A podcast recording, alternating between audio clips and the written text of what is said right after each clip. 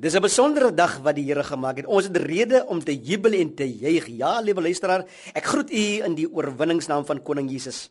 En hierdie oggend gaan ons kyk na die teksvers Hebreërs 11 vers 22. En ons gaan fokus môre op die oorwinningslewe. Omdat Josef geglo het, het hy kort voor sy dood melding gemaak van die uittog van die Israeliete en opdrag gegee in verband met sy liggaam.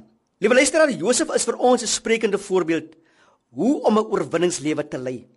Ek dink as Josef 'n kragtige oorwinningslewe kon lei, desondanks die talle ontberinge wat hy moes trotseer, het ek en u geen verskoning vandag nie.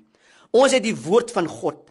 Ons het die Heilige Gees, die kerk en om alles te kroon die gemeenskap van die gelowiges. Ons het duisende dienaars van die Here in ons geleedere en dwars oor die wêreld. Ons het elke geleentheid om 'n oorwinningslewe te lei.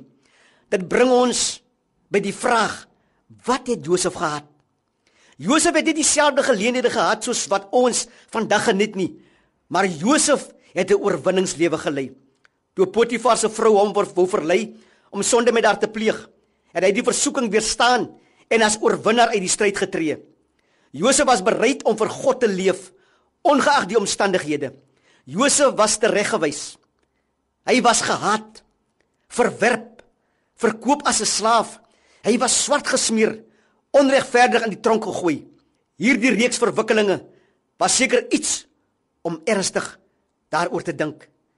Wat het Josef in die tronk gedoen wat so uitstaande was? Ons weet verseker nie. Die meerderheid daarvan mag dalk alledaags en onbelangrik gewees het, maar God het sy seël van goedkeuring daarop geplaas. Alles wat Josef aangeraak het, het in goud verander. Alles wat hy aangepak het, was 'n sukses. Alles wat hy voorgestel het, was 'n sukses. Alles wat Josef gedoen het, het vrug gedra. Wat 'n wonderwerk. Wat vir Josef belangrik was, was dat God nog met hom was. Liewe luisteraar, ek en u moet ophou om God se guns op ons lewens te meet aan die omstandighede wat ons omring. En wat u nie besef nie, is dat die huidige omstandighede wat u beleef nodig is om u as oorwinnaar te laat seëvier. God kan in enige omstandighede vir my en jou guns bewys en as oorwinnaar te laat seëvier.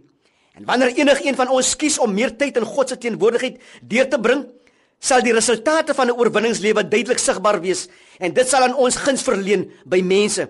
Die God van Josef is nog steeds dieselfde God vandag. Liewe en getroue luisteraar, kom ek in u lewe oorwinningslewe tot eer van die Here Jesus, wie daarin behaag het dat ons meer as oorwinnaars moet wees. Amen.